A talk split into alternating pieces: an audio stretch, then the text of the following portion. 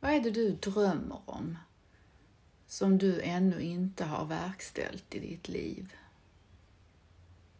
Om du, när du hör mig säga detta nu, kanske tänker ah, men jag har ingenting eller jag vet inte eller så. Jag är ganska säker på att det är någonting som, som ligger och skvalpar som en liten, liten våg där ute på havet som du kanske ser men, men liksom viftar bort för att du tänker att Nej, men det är ändå inte möjligt eller det är inte läge nu eller barnen är för små eller det är någonting som ska hända för att du ska börja ta tag i det. Vad jag har funnit i mitt liv är hur viktigt det är att känna den här längtan. Att komma i kontakt med det du verkligen längtar efter och tillåta dig att ge dig hän i den längtan. Det betyder inte att du måste göra det. Det skapar så mycket energi inne i oss när vi verkligen får, får tillåter oss att, att helt hänge oss i det vi på riktigt längtar efter. Och nu pratar inte jag om egots längtan. Jag pratar om den sanna längtan. Alltså egots längtan är när vi längtar efter mm, ett större hus, eh, mer pengar, eh, ett bättre jobb, alltså i karriären, eh, att vi ska bli annorlunda på något sätt. Alltså egots längtan handlar ju mer om om utanpå saker, om man säger så. Eller att fylla de inre hålen av smärta som vi har. Att slippa känna. Egot är ju en mästare på att hitta flyktstrategier så vi slipper känna vår egen smärta och fylla det då istället med massa aktivitet eller snygg fru eller snygg man eller bättre jobb eller vad det nu kan vara. Träna jättemycket. Så det är inte den sortens längtan jag pratar om här. Det är ditt hjärtas längtan, alltså på riktigt. Och man kan förstå när man är i kontakt med sin verkliga längtan, alltså det känns någonting i, i hjärttrakten. Det öppnar upp sig där på något vis och det börjar bubbla, liksom, det börjar leva och man liksom följer, faller in i detta som man verkligen längtar efter.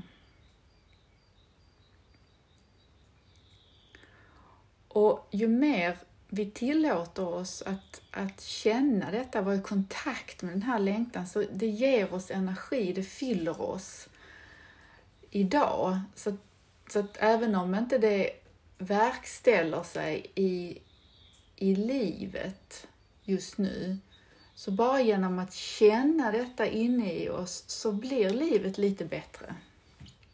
På något vis så, så är det att de här sanna kvaliteterna som vi alla har inom oss, som de flesta av oss tyvärr har tappat kontakten med. Alltså ren glädje, ren kraft, um, ren beslutsamhet, um, medkänsla, äkta medkänsla, äkta kärlek, äkta frid och harmoni och stillhet.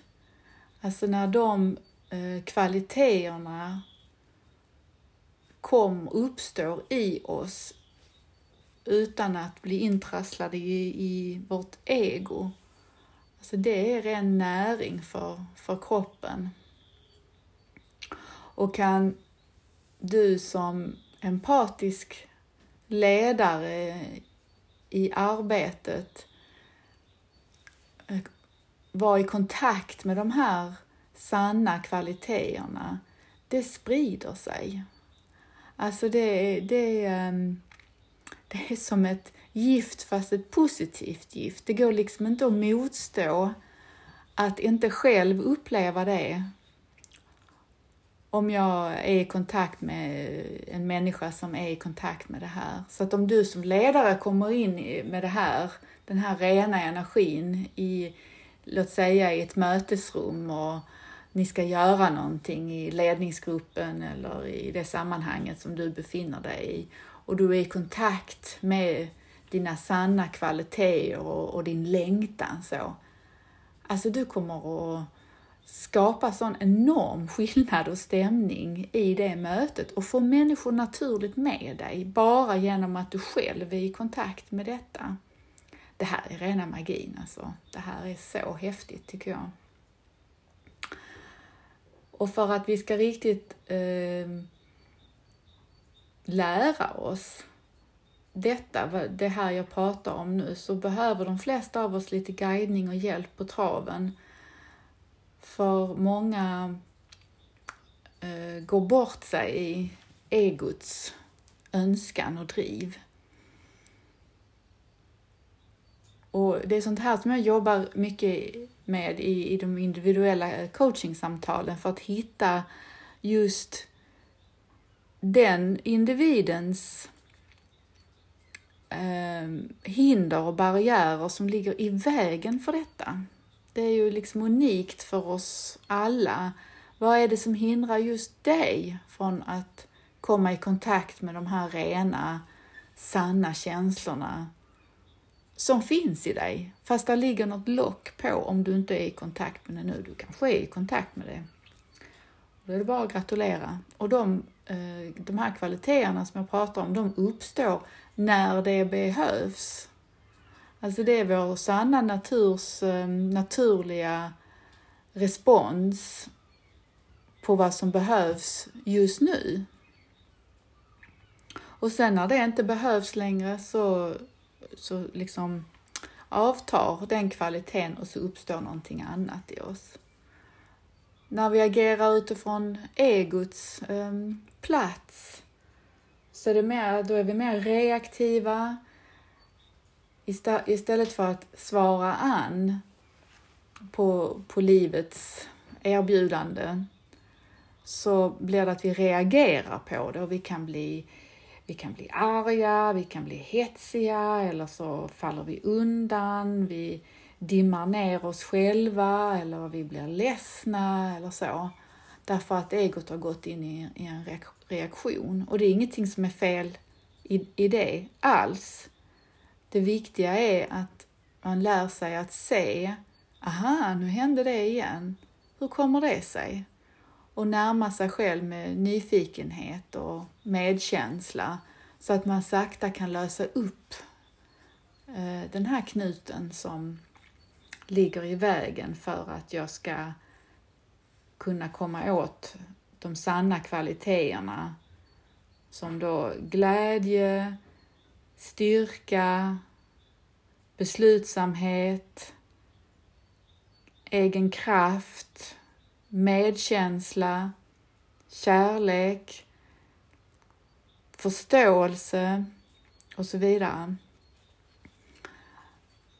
Och du kan börja lägga märke till själv när, när det är din sanna kvalitet eller det är egots kvalitet. Så när det är i egot så, så blir vi lite stiffa. Det blir, blir lite sammandragna och, och lite tajta så man kan känna det i kroppen. Och jag eh, liksom drar ihop mig. Och det kan vara att jag tappar min energi, jag blir väldigt eh, platt. Liksom. Jag tappar min kraft, så kan det också vara. Medan om det är de sanna kvaliteterna så ger det mig näring naturligt. Jag känner mig lös och ledig och det är precis som att jag vet exakt vad jag behöver göra eh, just nu.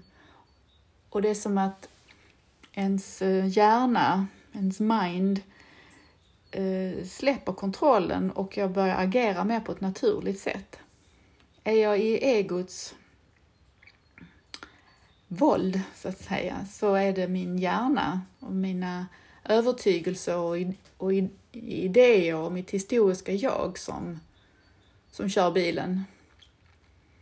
Och det, igen, det behöver inte vara något fel i det. Fast det kanske inte leder dig där du egentligen vill, på riktigt. Eller där företaget egentligen ska vara på riktigt. Och det är det här som är liksom empatiskt ledarskap, att börja förstå skillnaden i detta och att själv som empatisk ledare börja leda sitt eget liv på ett sätt som är sant på riktigt. Inte egots liv, så att säga, utan mitt sanna liv. Och igen så vill jag påminna om att det är inget fel på egot, alltså gör inte det till, ditt, till din fiende. För egot är en del av oss. Och egot har tagit oss så här långt som det har just nu och egot har utvecklats för att Eh, skydda dig och få dig till att överleva. Och det har ju lyckats bra. Och nu kanske du har kommit till en, ett skifte, en plats i livet att du vill någonting mer, det behövs någonting mer i ditt liv och du kanske börjar se att det är någonting som hindrar dig från att faktiskt göra det du verkligen längtar efter.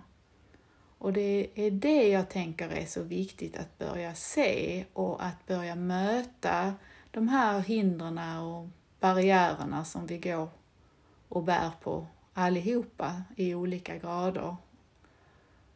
Och närma oss det och, och liksom bearbeta det så att det smälter, de här inre låsningarna.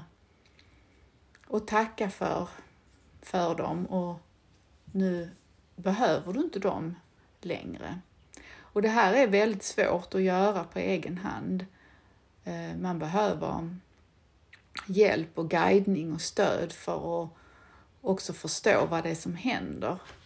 Och jag för min del, jag har ju eh, min eh, lärare som jag och coach som jag har just nu har jag haft i, vad är det nu, sex år.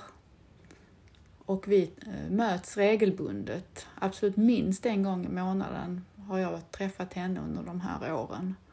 Och för mig, eh, det är helt nödvändigt i min process. För varje gång jag kommer möter henne så hjälper hon mig att se nya saker hos mig själv och öppna upp ännu lite till. Så det jag pratar om är inte någon sex veckors kur utan det är ju en, en mycket längre process och man får börja där, där man är. Väldigt ödmjukt och beslutsamt att nu vill jag komma ut ur garderoben så att säga. Nu vill jag leva det livet som jag längtar efter, vad det nu än är för någonting.